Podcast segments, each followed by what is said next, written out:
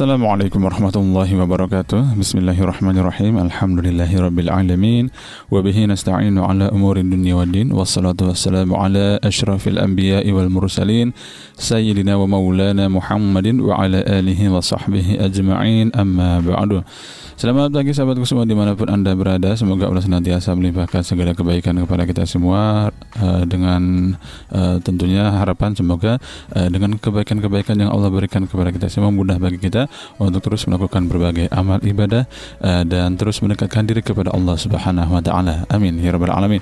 Baik sahabat di kesempatan pagi hari ini Senang rasanya saya Hakim dapat kembali bersua di ruang dengar anda semua. Kali ini dalam program ekonomi syariah ya Di mana kita akan belajar bagaimana bagaimana cara melakukan uh, transaksi atau cara bermuamalah yang sesuai dengan ketentuan syariat.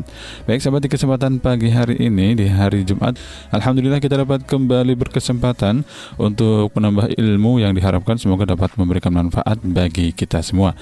Baik sahabat bagi Anda yang berada di luar jangkauan audio frekuensi kami atau tidak bisa mendengarkan suara radioku dengan jelas melalui audio frekuensi, Anda bisa mendengarkan acara ini melalui audio streaming di www.buyayahir.org www.radiokoordinat.com atau di www.radiokoordinat.com.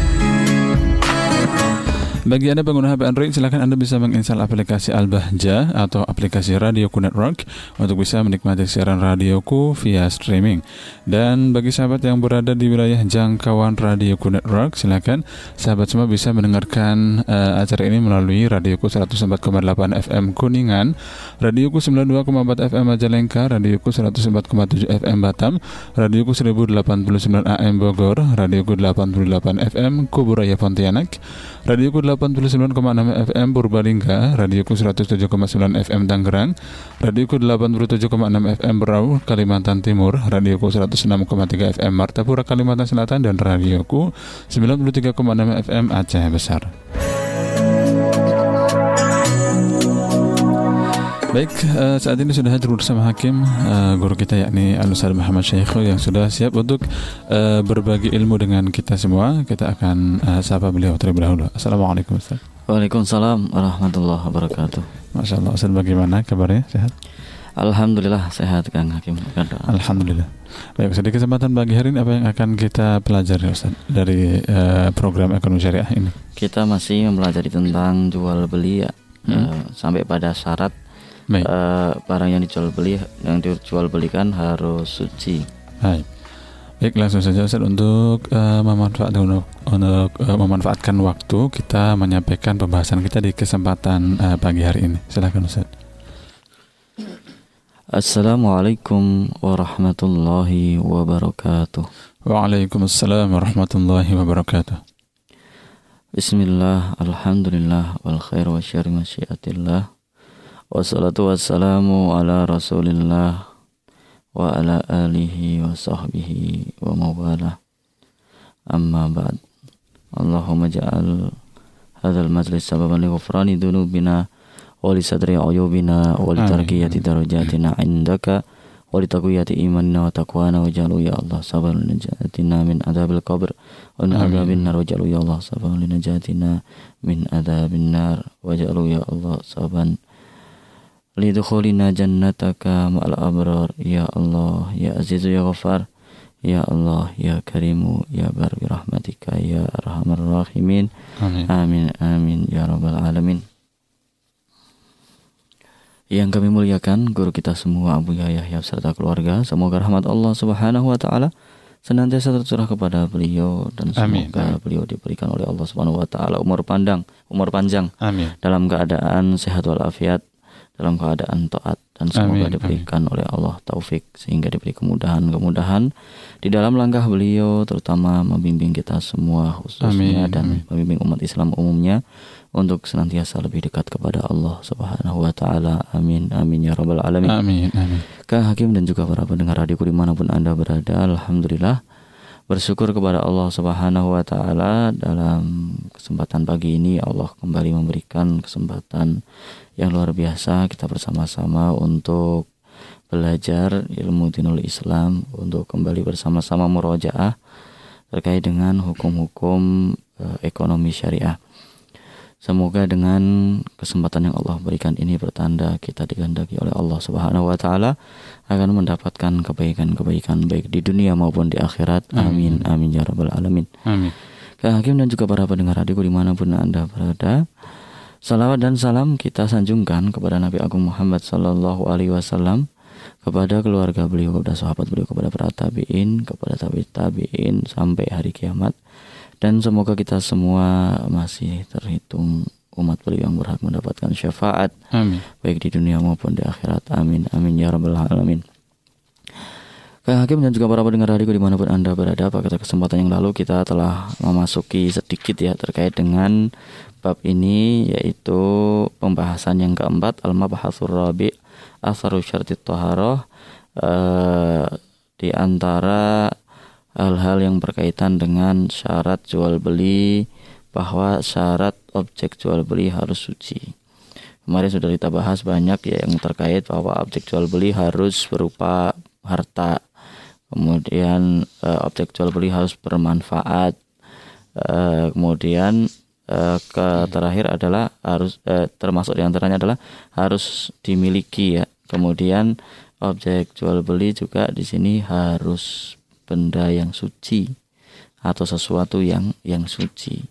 Nah, ini menjadi syarat uh, dalam beberapa apa namanya madhab ya di antaranya adalah madhab syafi'i sendiri uh, yang mengatakan bahwa objek jual beli haruslah uh, suci bendanya.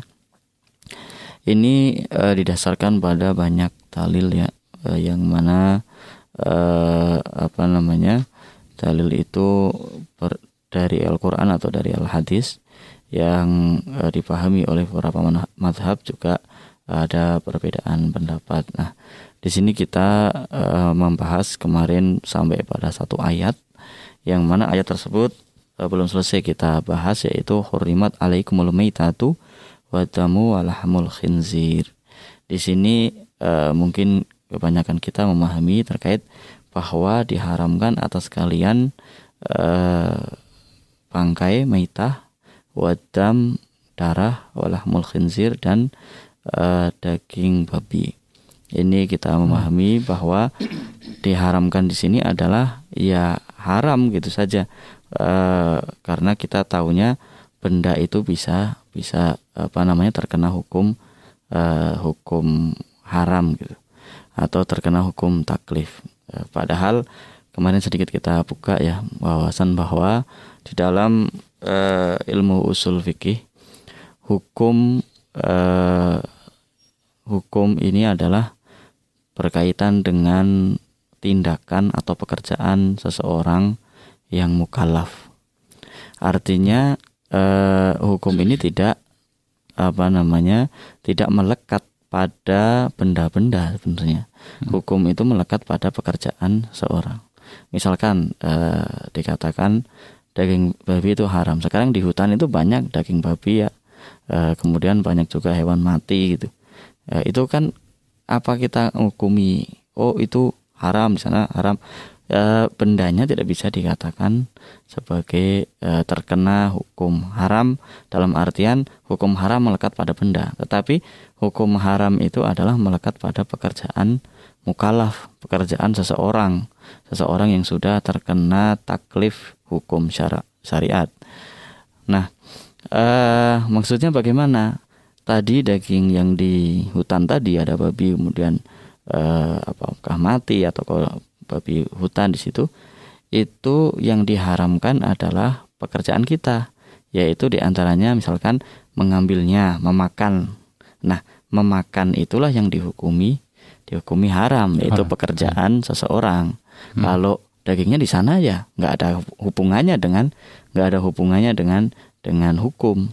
Ada hubung yang ada hubungannya dengan hukum adalah pekerjaan seseorang. Contohnya lagi uh, misalkan ada minuman keras di mana di uh, apa namanya di tempat lah di mana di pojok atau di mana itu minuman keras tidak melekat kepadanya hukum tapi yang melekat kepadanya yang melekat uh, kepadanya hukum atau hukum melekat kepada pekerjaan seseorang yaitu ketika ada orang mengambilnya kemudian meminumnya nah minum itulah yang yang haram. Yang haram. Hmm. Jadi eh, maka di sini para ulama membahas hurimat alaikum al-maitatu diharamkan atas kalian eh, bangkai. Loh ini kata-katanya jelas yang diharamkan itu bangkai. Loh bangkai hmm. banyak di ada yang dibuang di sungai, ada yang bangkai di kubur, ada yang itu banyak bangkai. Apakah bangkai itu melekat kepadanya keharaman? Maka di sini para ulama mengatakan ada eh, yang namanya harus ada sesuatu yang tersimpan atau sesuatu makna yang terkandung di dalam ayat ini. Jadi yang diharamkan atas kalian al-maitah maksudnya adalah ada yang mengatakan memakan maitah, memakan bangkai. Diharamkan atas kalian memakan bangkai. Ada juga yang mengatakan bukan hanya memakan, tetapi di situ eh, diharamkan atas kalian eh, menjual bangkai. Ya kan ada juga. Kemudian ada juga yang memberikan atau bisa juga diberikan eh, arti atau dikira-kirakan kata hurimat alaikum diharamkan atas kalian e, mengambil manfaat dari bangkai. Bisa juga diharamkan atas kalian memberikan bangkai. Pokoknya kata haram atau hukum haram, haram itu melekat pada pekerjaan seseorang.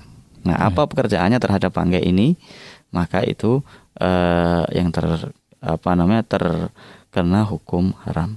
Kemudian uh, lantas apa kalau uh, kata-kata seperti ini apa yang diharamkan? Apakah semua kata yang bisa dikira-kirakan di sini menjadi haram atau tidak? Apakah semua pekerjaan yang berhubungan dengan bangkai itu uh, dihukumi hukumi haram? Tentu para ulama mengatakan ya tidak semua pekerjaan bisa dikira-kirakan di sini, bisa dimasukkan atau dikaitkan dengan uh, hukum uh, panggai ini. Contohnya uh, mem membuang bangkai. Jadi diharamkan atas kalian membuang bangkai. Apakah itu mungkin? Karena membuang bangkai itu kan justru suatu keharusan ya. Masa bangkai hmm. dibiarkan di rumah karena najis, maka harus di harus dibuang. Hmm. Harus dibuang berarti membuang itu tidak masuk dalam ayat ini. Jadi tidak hurimat alaikum membuang bangkai tidak diharam uh, tidak masuk dalam ayat yang diharamkan ini.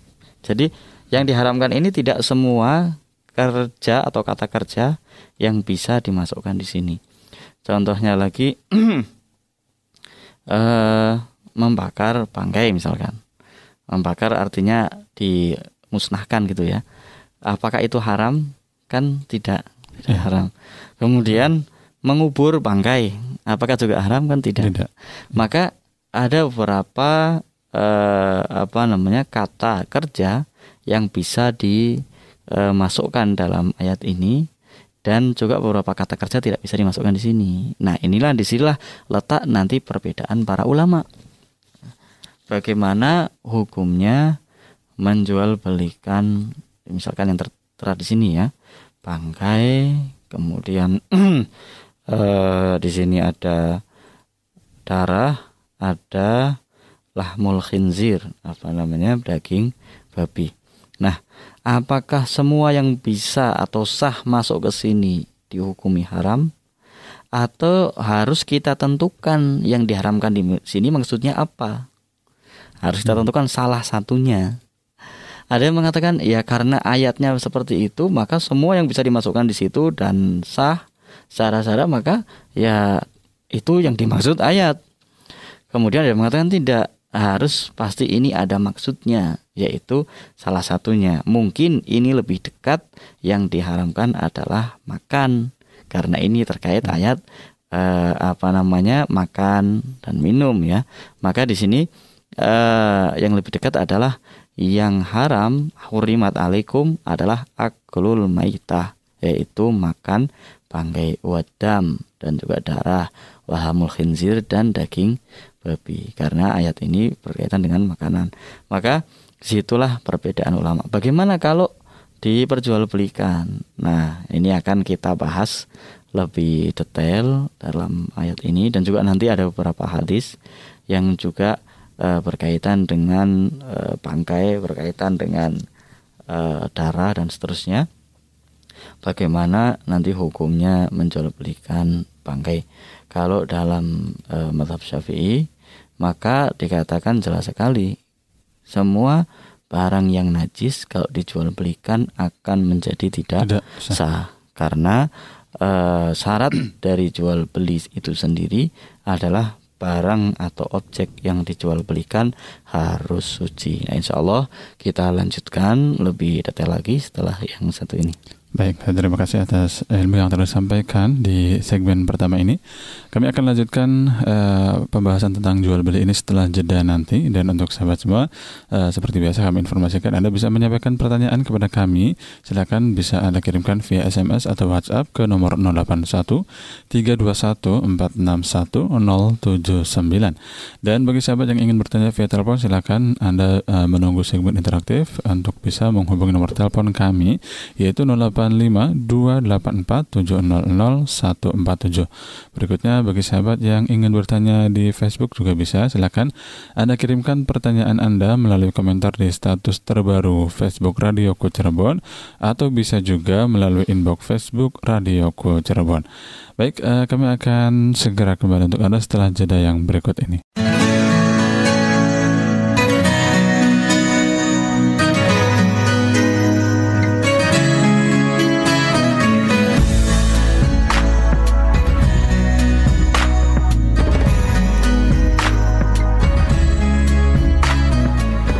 Radioku Inspirasi Spirit Hati yang dipancar luaskan dari Komplek Lembaga Pengembangan Dakwah Al-Bahja, Sendang, Sumber, Cirebon.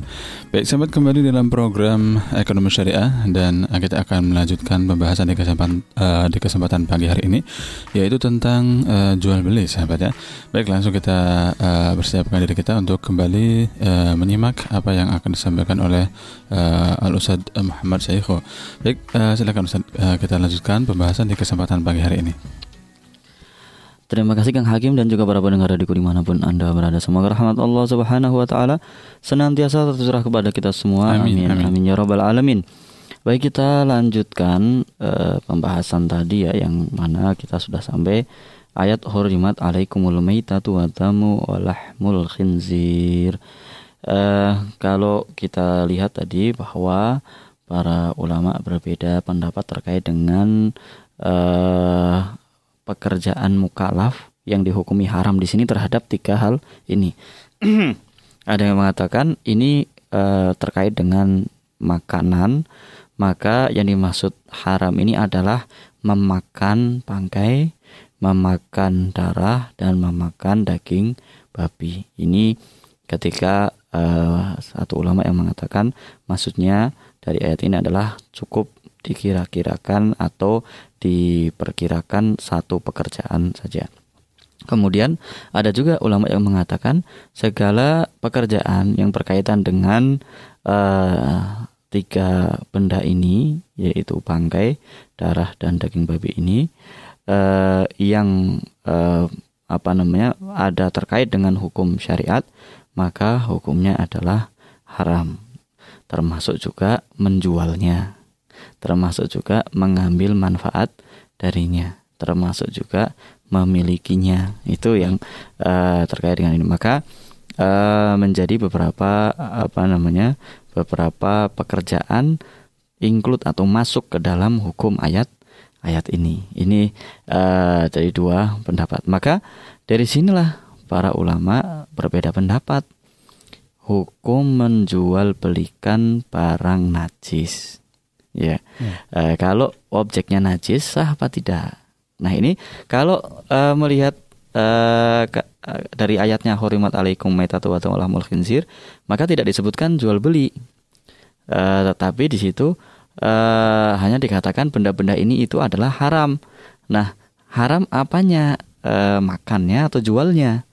Nah, maka uh, tidak dibedakan oleh madhab syafi'i memakannya dan menjualnya. Terlebih ada lagi nanti uh, hadis yang menjelaskan bahwa uh, apa namanya Rasulullah Shallallahu Alaihi Wasallam itu melarang uh, atau mengharamkan uh, samanul kalbi apa namanya uh, harga dari anjing ya. Kalau orang menjual anjing maka harganya atau uangnya hasil penjualan itu adalah haram juga. Kemudian uh, termasuk juga uh, nanti ada hadis yang menerangkan bahwa uh, ada yang bertanya uh, ini uh, dikatakan di dalam hadisnya inna Rasulullah in Allah wa rasulahu harrama bai al khamr wal maitah wal khinzir wal asnam. Ini hadisnya lebih tegas menegaskan bahwa yang diharamkan itu juga jual belinya. Uh, Allah dan Rasulnya mengharamkan jual beli khamar, jual beli khamar itu uh, minuman keras ya. Kemudian bangkai, kemudian juga khinzir babi, kemudian juga asnam yaitu patung patung. Nah di sini uh, ya Rasulullah ada yang berkata ya Rasulullah aro'aita syuhumal maitah uh, bagaimana menurutmu terkait dengan uh, apa namanya itu yang putih-putih itu apa? Gaji ya apa? Lemak. Lemak ya. Hmm. lemak dari bangkai gimana? Fa inna yutla biha asufun wa yudhanu biha al uh, al julud wa yustasbahu biha wayastasbihu biha annas. Uh, bahwa uh, lemak ini oleh para uh, masyarakat atau oleh orang-orang di sekitar sini itu juga digunakan untuk apa namanya? Untuk uh, apa itu kapal itu kan ditambal-tambal tuh yang lubang-lubang itu kemudian juga uh, bisa dijadikan sebagai lotion atau jadikan uh, untuk minyak ya Kemudian bisa juga digunakan untuk lampu. Jadi hmm. nanti uh, kan dulu kan lampunya ada sumbu itu ya. Yeah. Nah, itu juga lampu seperti itu. Hmm. Maka Rasul menjawab la huwa haram. Itu adalah haram. Haram, Nah, itu juga uh, menunjukkan bahwa mengambil manfaat dari barang barang-barang yang haram dimakan itu juga haram. Termasuk tadi uh, bangkai. Maka ketika sudah uh, jelas jual beli uh, barangnya haram dimakan kalau makan itu memang tadi jelas bahwa ayatnya ini kait dengan makan ya. Nah, kalau jual beli ini diterangkan di dalam hadis. Yang hadis ini juga menerangkan ayat tadi artinya bahwa bangkai al-maitah ini haram bukan hanya makan saja. Walaupun ayatnya terkait makan, tetapi juga makan dan menju menjualnya. Jangan sampai ada orang beralasan saya kan nggak memakannya saya cuma menjual sama aja hasilnya ya. adalah haram nah nah ini yang uh, dibicarakan oleh para ulama apakah haram jual belinya ini karena barang itu haram dimakan dan dihukumi najis atau karena hal lain atau karena hal hal lain, hal lain. coba uh, lihat di dalam uh, apa namanya hadis uh, apa namanya Ibnu Abbas ya yang ketika Sayyidah Maimunah itu kambingnya mati. Kemudian uh, apa namanya? ada orang membawa membawa uh, kambing itu diseret mau dibuang. Kata Rasul itu dibawa, mau dibawa ke mana? Kemudian orang itu menjawab bahwa ini bangkai ya Rasulullah. Maka Rasul mengatakan, e, apakah kalian tidak uh, memanfaatkan kulitnya, artinya bangkai kambing itu bisa dikuliti, kemudian kulitnya dimanfaatkan. Hmm. Apa, maka orang itu mengatakan ini bangkai Rasul, apa boleh gitu? Kan najis kalau bangkai itu. Ya. Akhirnya Rasul mengatakan e, yang tidak boleh itu adalah dimakan. Ini nama haruma akluha. Jadi yang haram itu maksudnya adalah makannya, Makan. memakannya haram. Nah ini juga akhirnya menjadi uh, apa namanya uh, perdebatan juga. Oh berarti yang dimaksud haram di ayat itu ya makan, bukan jual belinya. Hmm. Nah itu uh, juga menjadi pertanyaan. Tapi ya jelas kalau yang dinas di dalam hadis berarti makannya nggak boleh, jual belinya juga nggak boleh. Nah, yang menjadi pertanyaan lagi adalah apakah alasan tidak boleh dijual belikan itu karena najis atau karena takut dimakan, haram dimakan. Hmm. Kalau nggak dimakan misalkan, uh, tetapi digunakan untuk yang lain. Nah, di dalam hadisnya juga dijelaskan, yaitu uh, seperti tadi lemak itu juga tidak dimakan, digunakan untuk uh, nambal itu apa namanya? Uh, uh, itu tadi apa? Uh, kapal ya, Kap nambal kapal. Oh, itu kapal-kapal kan pakai kayu kemudian mm -hmm. uh, selah-selahnya itu biar enggak ini kan ditambal pakai itu kan. Mm -hmm. uh, ditambal pakai itu. Nah, itu juga nggak boleh oleh Rasulullah. Tetap nggak boleh dijual belikan. Artinya mm. bahwa memang untuk kemanfaatan lain selain makan pun itu nggak boleh tetap haram jual belinya. Baik. Nah e, nanti e, menjadi pertanyaan lagi, apakah haram ini karena itu najis atau karena tidak bermanfaat untuk manfaat yang lain? Nah ini kalau madhab sapi sudah gampang saja, itu adalah haram dimakan, maka haram diperjualbelikan sudah selesai haram dimakan, haram diperjual belikan. Karena apa? Karena najis. Sudah haram dimakan, haram dijual belikan. Alasannya apa? Karena najis. Maka syarat jual beli, objek jual beli harus su suci. suci. Nah, di situ akan menjadi pertanyaan lagi untuk yang lainnya, yaitu termasuk juga najis yang bukan dari uh, apa namanya? dari uh, yang disebutkan di sini di dalam Al-Qur'an dan hadis, tadi. Jadi kalau ini kan jelas disebutkan di dalam Al-Qur'an haram uh, bangkai, kemudian darah dan juga daging babi. Kemudian tadi di dalam hadis uh, jelas dilarang adalah menjual uh, homer atau minuman keras, kemudian menjual bangkai, kemudian menjual daging babi dan menjual uh, asnam, menjual patung-patung. Nah, ini uh, ada yang bertanya lagi, gimana kalau yang tidak disebutkan di sini, tapi barangnya adalah najis? Contohnya adalah pupuk kandang. Ya kan? Baik. Pupuk kandang gimana itu hukumnya? Kalau pupuk kandang dari hewan yang dimakan dagingnya, mungkin ada perbedaan pendapat ulama tentang apakah itu najis atau tidak najis. Baik. Seperti uh, misalkan kotoran sapi, sapi. Hmm. kotoran kambing. kambing, itu kan sapinya hmm. kalau disembelih bisa dimakan, artinya hmm. hewan yang boleh dimakan. Halal dimakan. Nah, hmm. sedangkan kita juga melihat banyak masyarakat yang menggunakan pupuk dari kotoran manusia. Hmm. Mohon maaf, uh, itu banyak di daerah-daerah yang ini itu kalau uh, apa ada tukang itu yang sedot itu kotoran hmm. itu uh, septic tank itu, maka itu nanti apakah mereka dibuang begitu saja kan enggak hmm. tapi dimanfaatkan lagi uh, untuk pupuk di uh, beberapa uh, perkebunan nah itu kan uh, diambil dari uh, kotoran manusia yang tidak boleh dimakan kalau kotoran uh, sapi, kotoran ini mungkin masih ada perbedaan pendapat terkait hmm. apakah itu najis atau tidak najis. Nah, dari sini uh, nanti apakah sah menjual belikan pupuk yang terbuat dari kotoran. Nah ini dia yang akan kita bahas nanti insya Allah setelah yang satu ini. Baik, terima kasih atas uh, pembahasannya untuk uh, segmen kali ini. Kita akan lanjutkan lagi nanti, uh, tentunya uh, masih tentang jual beli, sahabat ya.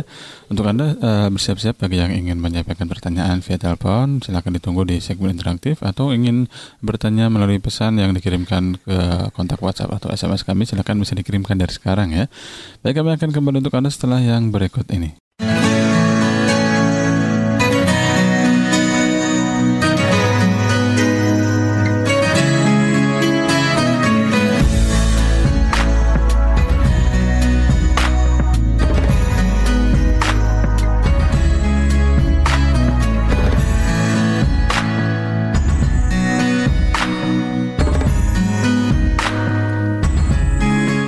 Radio Ku Inspirasi Spirit Hati yang dipancar luaskan dari Komplek Lembaga Pengembangan Dakwah Al-Bahja, Sendang, Sumbar, Cirebon. Baik sahabat kembali dalam program Ekonomi Syariah dan uh, masih akan kami lanjutkan pembahasan kita di kesempatan pagi hari ini sebelum kita memasuki segmen tanya jawab ya. Baik langsung kita persilakan kepada Al-Ustaz Muhammad Syekhu untuk melanjutkan pembahasan kita tentang jual beli yang sedang kita pelajari di kesempatan pagi hari ini. Silakan Ustaz. Terima kasih Kang Hakim dan juga para pendengar radio di mana pun Anda berada. Semoga rahmat Allah Subhanahu wa taala senantiasa tercurah kepada kita semua. Amin. Amin. amin. amin. alamin. Uh, kita lanjutkan tadi terkait dengan bahwa uh, bangkai dan darah juga uh, daging babi itu adalah haram dimakan dan juga haram diperjualbelikan. Kemudian tadi difahami uh, bahwa keharaman ini adalah karena uh, ketiga-tiganya ini najis. Kemudian uh,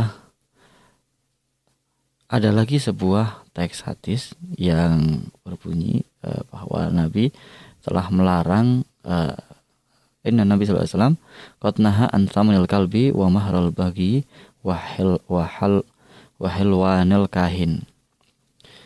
Uh, wahalwanil ka, kahin.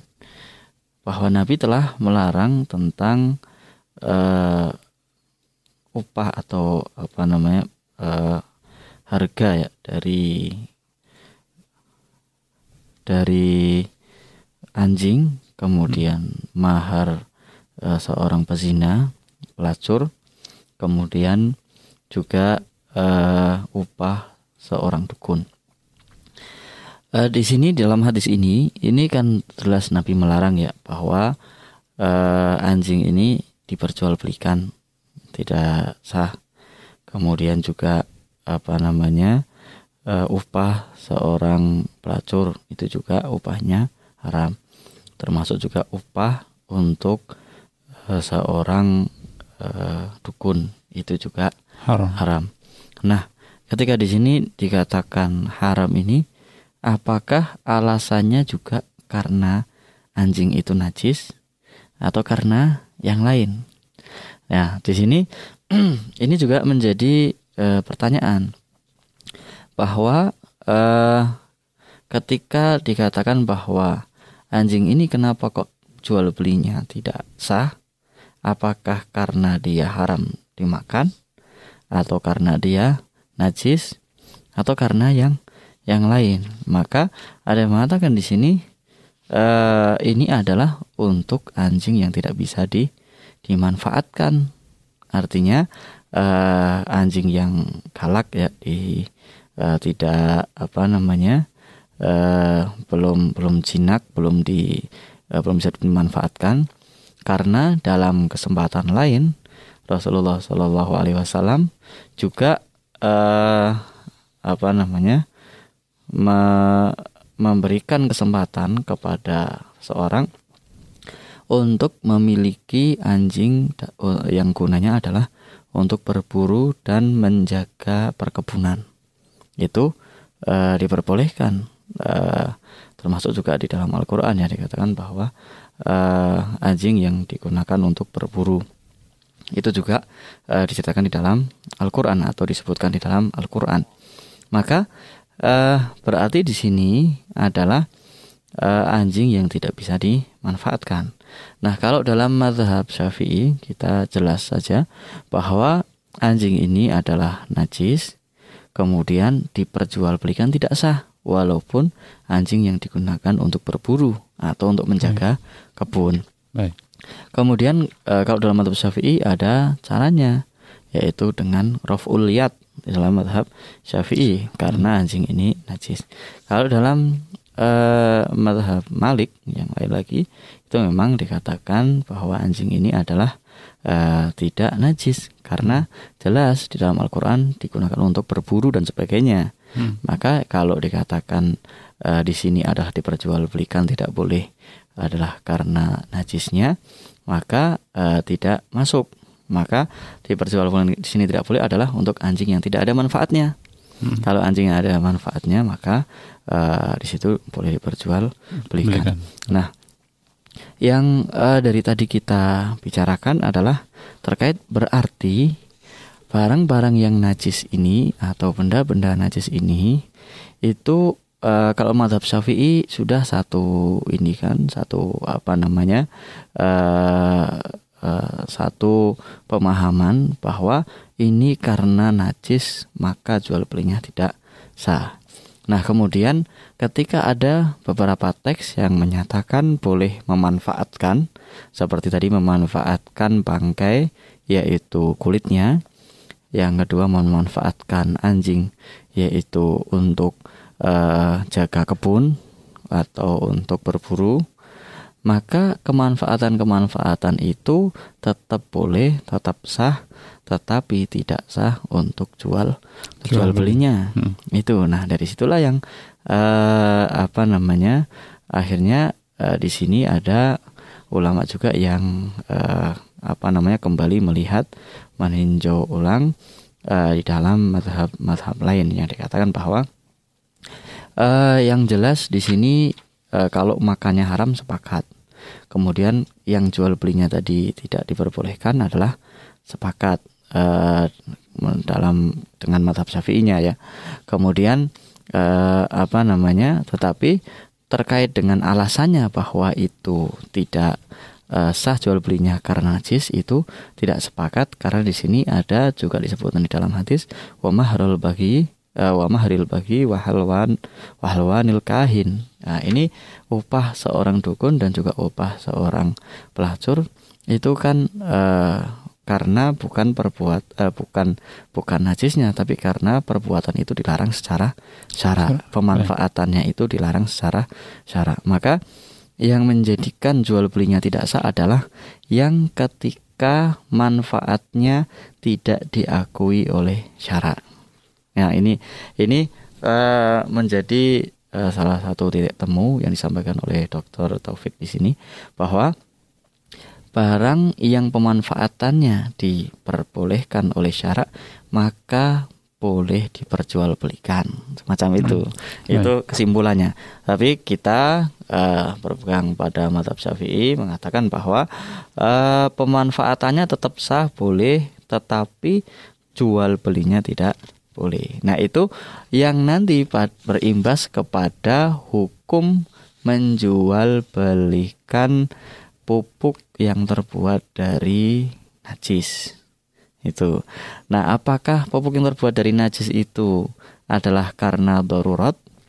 Atau pupuk yang terbuat dari najis itu mengikuti saja dari eh, tadi yang mengatakan bahwa selama pemanfaatannya sah secara syarak maka jual belinya adalah sah gitu saja. Nah, ini juga menjadi perdebatan ya.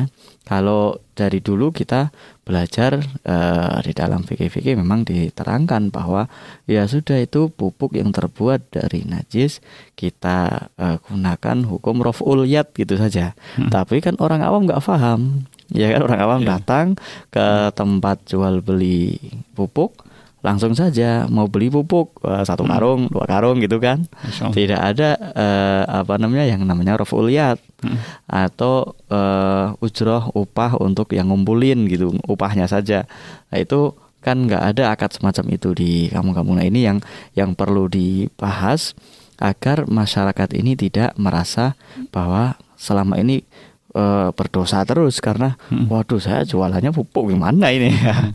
nah itu dari dari situlah uh, perlu kita apa namanya uh, gali kembali terkait dengan hal ini karena memang kalau uh, pupuk ini alasannya adalah najis kemudian tidak sah jual belinya kasihan juga karena itu memang uh, hampir semua uh, yang menggunakan pupuk organik itu kan menggunakan pupuk kandang. Hmm. Kemudian juga media-media tanam uh, seperti uh, bunga-bunga ya kan kita taman-taman itu kan rata-rata uh, medianya adalah dicampur dengan pupuk kandang karena memang itu yang efektif dan relatif aman. Baik. Artinya tidak perlu kimia-kimia dan sebagainya.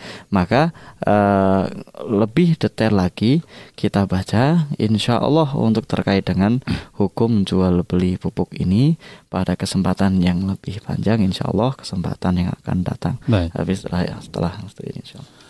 Baik Ustaz, terima kasih atas uh, pembahasan untuk kesempatan pagi hari ini. Kita akan lanjutkan nanti dengan segmen uh, interaktif saja untuk uh, tanya jawab dari sahabat semua yang uh, ingin mengirim, uh, mengirimkan pertanyaan. Silakan bisa dari sekarang ya, uh, bisa via SMS atau WhatsApp ke nomor 081 321 461 079 atau bisa juga Anda kirimkan via uh, Facebook Radio Cirebon di kolom komentar uh, Facebook Radio Cirebon atau melalui inbox Facebook Radioku Cirebon.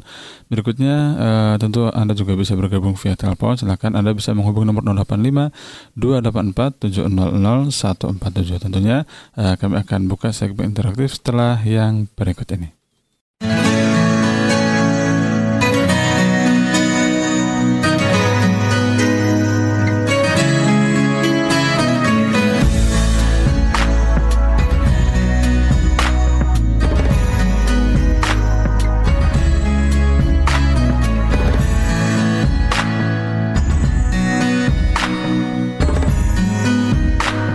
Radio Inspirasi Spirit Hati yang dipancar luaskan dari Komplek Lembaga Pengembangan Dakwah Al-Bahja, Sendang, Sumber, Cirebon. Baik sahabat kembali dalam program Ekonomi Syariah dan uh, kita di segmen kali ini uh, mulai membuka segmen interaktif atau tanya jawab. Silakan bagi Anda yang ingin bertanya uh, bisa disampaikan via telepon ya dengan cara menghubungi nomor telepon kami yaitu 085 284 700 147. Baik, uh, kami akan langsung saja membacakan pesan-pesan yang sudah dikirimkan, pertanyaan-pertanyaan yang sudah dikirimkan oleh sahabat-sahabat kita, baik yang masuk via SMS ataupun via WhatsApp ya. Assalamualaikum warahmatullahi wabarakatuh. Waalaikumsalam warahmatullahi wabarakatuh. Allahumma salli ala sayyidina Muhammad. Allahumma salli wa sallim wa barik alaihi wa ala alihi wa sahbihi. Uh, yang saya hormati Ustadz dan penyiar Radio Cirebon, saya Fauzi dari Cilacap. Mohon izin bertanya tentang terapi yang saat ini sedang marak, yaitu dengan stem cell. Nah, stem cell atau sel punca atau sel induk ini bisa diperoleh dari lemak, sumsum -sum tulang, kulit, atau darah. Nah, bisa diperoleh dari tubuh sendiri, bisa pula dari orang lain seperti plasenta bayi. Tetapi yang paling cocok adalah dari pasiennya sendiri. Yang paling banyak adalah dari lemak yang diambil seperti dengan cara disedot. Lalu sel ini dipisahkan secara laboratorium dan ada yang dikembangbiakan di luar tubuh manusia. Lalu hasilnya disuntikan kembali ke tubuh pasien yang sakit sehingga bisa untuk terapi berbagai penyakit uh, seperti luka bakar, luka kaki diabetes. Nah, sampai dengan uh, kecantikan dan pasien biasanya membayar mahal. Bagaimana hukumnya? Apakah mirip dengan donor? Uh, terima kasih. Wassalamualaikum warahmatullahi wabarakatuh. Waalaikumsalam, Waalaikumsalam warahmatullahi wabarakatuh. Uh, uh, mungkin apa namanya untuk menghukumi ini e, harus tahu dulu seperti apa yang aslinya prosesnya ya harus tahu dulu e, bentuknya Baik. seperti apa tadi kalau penjabaran seperti tadi kan belum komplit ya hmm. terkait apa namanya hukumnya hanya saja kita ambil kaidah saja e, kaidahnya adalah e, terkait dengan e, kedokteran atau terkait dengan hal-hal yang berkaitan dengan e, medis e, dengan kedokteran, maka di situ ada beberapa hal yang perlu diperhatikan. Yang pertama adalah e, kaidah darurat ya. E, karena sebenarnya di dalam medis ini banyak kaidah di antaranya kaidah darurat. Kaidah darurat ini adalah e, kondisi yang mana seseorang e, dalam kondisi memerlukan e, apa namanya? memerlukan bantuan medis. Nah, dengan beberapa cara yang mungkin sekarang adalah kemajuan medis yang luar biasa. Nah, terkadang cara itu uh, sesuatu yang mungkin uh, apa namanya uh, sesuatu yang mungkin melanggar uh, hukum yang umum seperti hmm. tadi disimpulkan eh, disampaikan juga donor darah ya kan. Hmm. Nah, kalau donor darah uh, kondisi kan darurat darah itu. Sehingga walaupun darah itu ketika keluar menjadi najis, hmm. kemudian dimasukkan lagi berarti kan memasukkan najis ke tubuh, tubuh. seorang. Tetapi kan di situ e, donor darah itu adalah hukumnya darurat. Hmm. Orang ini kalau nggak disuntikkan darah di donor darah, maka dia kondisinya akan melemah dan kemudian e, meninggal dunia. Itu kan kondisi darurat. Kemudian e, perlu ditanya juga uh, yang bertanya ini, apakah tadi termasuk luka, termasuk uh, bahkan tadi kecantikan, termasuk uh, apa namanya uh, diabetes tadi ya uh, luka bekas diabetes gitu ya, uh, itu apakah sudah sampai derajat darurat atau tidak, atau mungkin sampai derajat uh, yang disebutkan dengan hajiat atau memang mendesak. Mendesak itu artinya ini kalau tidak diobati dengan ini dia akan fungsinya akan berkurang. Jadi misalkan uh, tangan yang diabetes atau kaki yang orang diabetes biasanya kan nanti diamputasi dan seterusnya luka dan nah ini uh, diobati dengan ini misalkan. Nah itu misalkan tidak sampai uh, derajat uh, apa namanya darurat, ada derajat uh, hajat atau kebutuhan mendesak yang tidak sampai darurat, maka uh, masih ada uh, keringanan diperbolehkan sampai hajat, jadi nggak sampai darurat.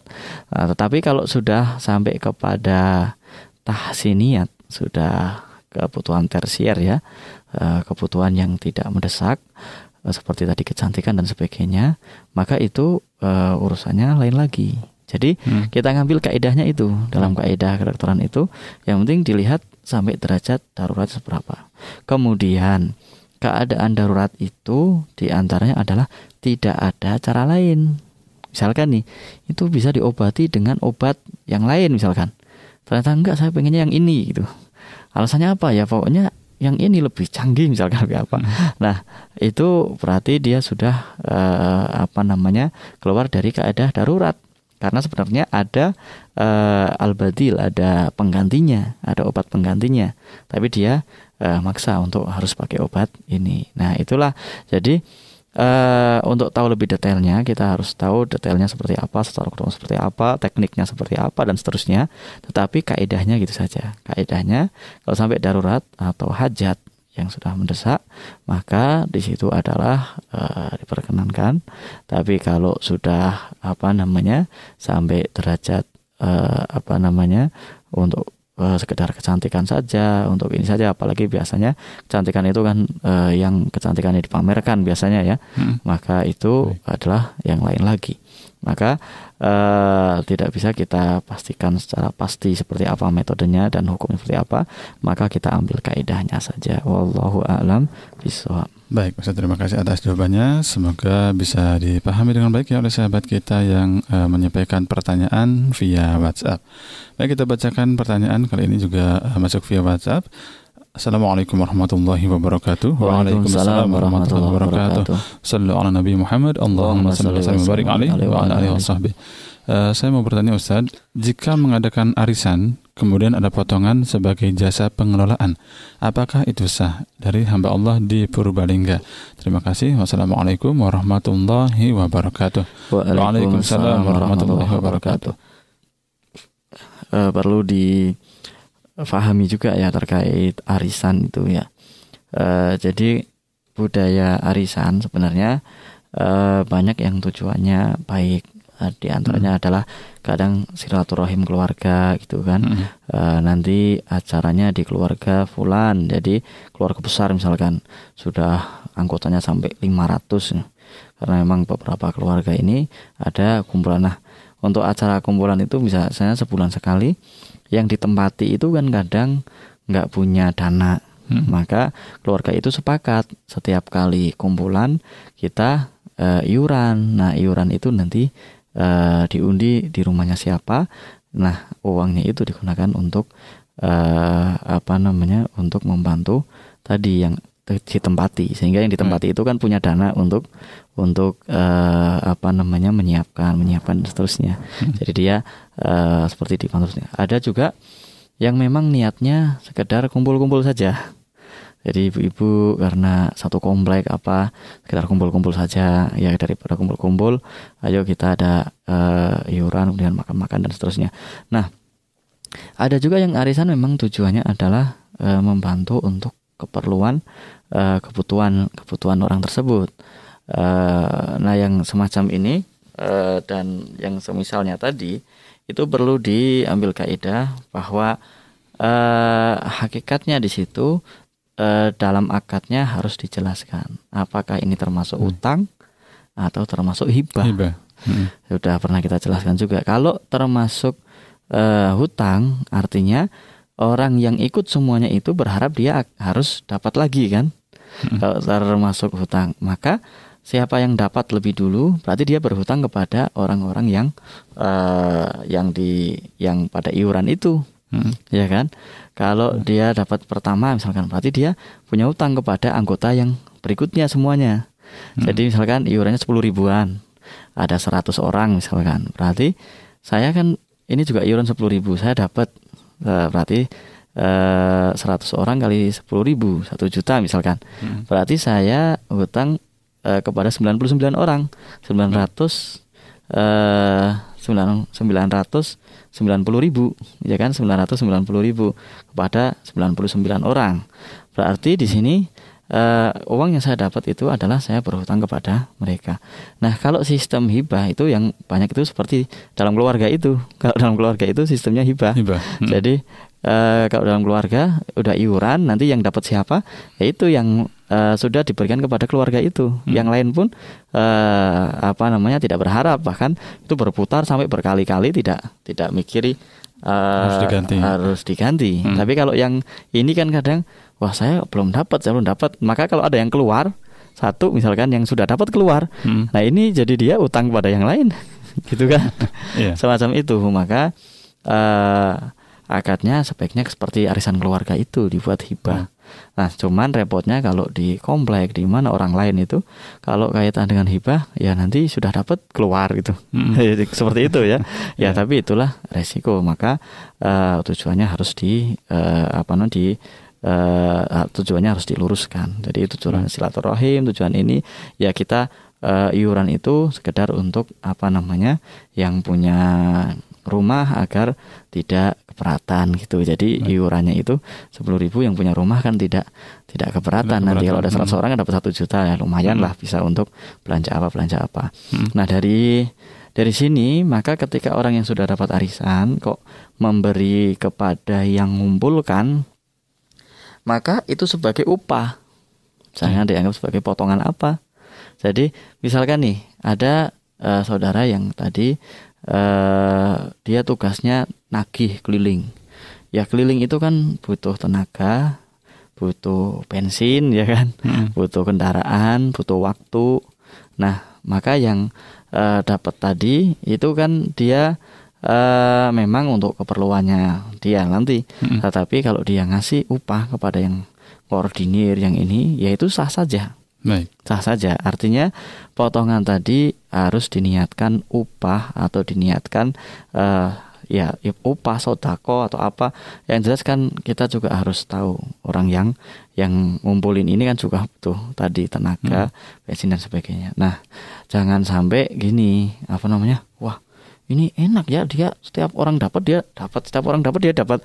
Ya kalau mau ya kamu yang ngurusi. Keliling-keliling nagih ke sana kemari gitu kan. Seperti itu. E, karena memang sebenarnya arisan ini budaya gotong royong. Tapi jangan hmm. sampai budaya gotong royong ini jadi sumber uh, perpecahan, hmm. ya kan? Uh, sumber tamak, sumber perpecahan, sumber ini karena apa? Karena uh, di situ pakai sistem utang. Maka harus dijelaskan ya dari awal ini sistemnya hibah, tapi tolong jangan udah dapat pergi. Nggak ya, masuk itu kan. Sebenarnya hibah. Maka uh, itu yang lebih apa namanya lebih mudah dan lebih Baik. bagus. Bahkan mungkin kalau di beberapa kumpulan di beberapa RT itu uh, ketika apa namanya ada arisan semacam itu misalkan uh, iurannya sepuluh ribu gitu nanti orangnya bertambah orangnya berkurang itu tetap yang ditempati itu dapatnya adalah misalkan 500 ribu hmm. walaupun yang dikumpulkan itu dapat 600 ribu dapat 700 ribu tetap itu untuk kas ada yeah. yang semacam itu jadi hmm. yang ditempati rumah itu adalah dibantu 500 ribu tapi semua yang hadir baik sedikit baik banyak itu ngasih uh, iuran untuk apa untuk di uh, masukkan kas. Nah dari kas itulah yang tuan rumahnya dibantu 500 ribu misalkan hmm. itu uh, akan lebih baik hmm. daripada nanti udah hitungan orangnya uh, naik turun terus ini terus ada yang oh saya iuran terus ini oh udah 100 kali saya dapatnya cuma lima ratus ribu misalkan karena uh, di situ dia merasa uh, arisan itu ngutangi orang lain, yeah. tidak ngerasa sebagai hibah. Nah, Baik. tadi untuk pertanyaan tadi hukumnya uh, dijelaskan bahwa yang dapat tadi niat sodakoh atau niat ujroh apa uh, sebagai upah atau niat terima kasih ya itulah uh, apa namanya atas kerja kerja dia. Wallahu a'lam bishawab. Baik Ustaz sangat jelas jawabannya. Semoga bisa dipahami dengan baik ya oleh sahabat kita yang bertanya tentang uh, bagaimana upah atau uh, pemberian dari orang yang mendapatkan arisan ya uh, pada pengelola dari arisan tersebut. Baik Ustaz, uh, karena waktu kita sudah harus uh, pamit undur diri, kita sudah berada di penghujung acara, jadi langsung saja kita menyampaikan kesimpulan dan ditutup dengan doa. Silakan Ustaz. Terima kasih Kang Hakim. Kesimpulan pada hari ini adalah bahwa uh, terkait syarat jual beli, uh, syarat objek jual beli adalah harus suci. Dan di sini masih ada beberapa pertanyaan terutama adalah dalam beberapa poin e, objek jual beli yang barang nanya, barangnya najis tetapi di situ bermanfaat. Hmm. Apakah jual belinya sah atau tetap jual belinya tidak sah? Maka dengan cara lain seperti dalam mazhab Syafi'i adalah e, caranya raf'ul yad e, apa namanya?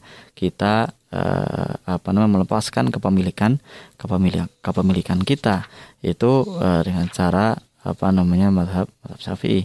Nah ad, uh, ada memang beberapa uh, usulan atau kritik dari kritik dari uh, Dr. Taufik di sini bahwa uh, bisa jadi alasan barang-barang uh, tadi diperjualbelikan tidak sah bukan karena najisnya, tetapi karena kemanfaatannya tidak syar'i. Hmm. Nah, tetapi ketika kemanfaatannya syar'i seperti tadi anjing untuk jaga kebun maka jual belinya sah walaupun zatnya najis. Ini hmm. uh, masih dalam perdebatan termasuk juga nanti terkait dengan hukum uh, pupuk yang terbuat dari kotoran, kotoran. hewan. hewan. Uh, insya Allah nanti kita akan lanjutkan lebih detail lagi. Insya Allah nanti kita akan bersama-sama murojaah terkait hal ini. Semoga Allah Subhanahu wa taala memberikan kepada kita semua istiqomah, amin, berikan kepada kita semua kemampuan amin. untuk uh, mengamalkan apa yang sudah kita dapatkan. Amin. Semoga Allah Subhanahu wa taala memberikan kepada kita semua kemampuan untuk senantiasa istiqomah beribadah kepada Allah Subhanahu wa taala hingga kelak di akhir hayat kita meninggal dalam keadaan husnul khatimah husnul amin, khatimah, husnul khatimah yaitu meninggal setelah mengucapkan kalimat la ilaha illallah. Muhammad Rasulullah. La ilaha illallah Muhammad Rasulullah.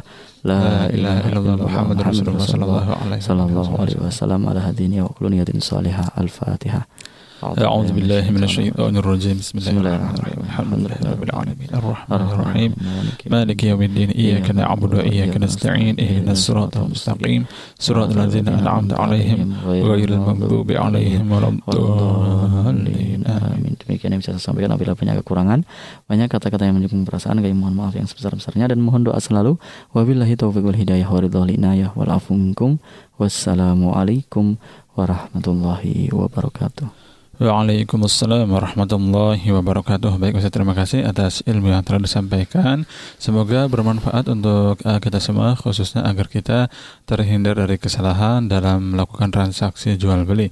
Dan juga untuk sahabat semua kami ucapkan terima kasih atas kebersamaannya. Kami mohon maaf atas segala kekurangan. Jika ada kata-kata yang salah atau kurang berkenan mohon dimaafkan ya dan juga untuk uh, sahabat yang menyampaikan pertanyaan tapi tidak bisa kami jawab pada kesempatan pagi hari ini. Insya Allah pertanyaan kami tampung dan uh, akan dijawab di kesempatan yang akan datang ya. Jadi untuk Anda uh, yang uh, sudah mengirimkan pertanyaan pastikan Anda terus mengikuti kelanjutan dari program ekonomi syariah ini. Kemudian juga untuk Radio Network kami ucapkan terima kasih atas kerjasamanya. Semoga Allah membalas kebaikan kita semua dengan sebaik-baik balasan. Amin ya rabbal alamin. Langsung kita tutup kebersamaan kita di kesempatan pagi hari ini dengan membaca doa kafaratul majlis. Subhanakallahumma wa bihamdika asyhadu an la ilaha illa anta astaghfiruka wa atubu ilaik. Wassalamualaikum warahmatullahi wabarakatuh.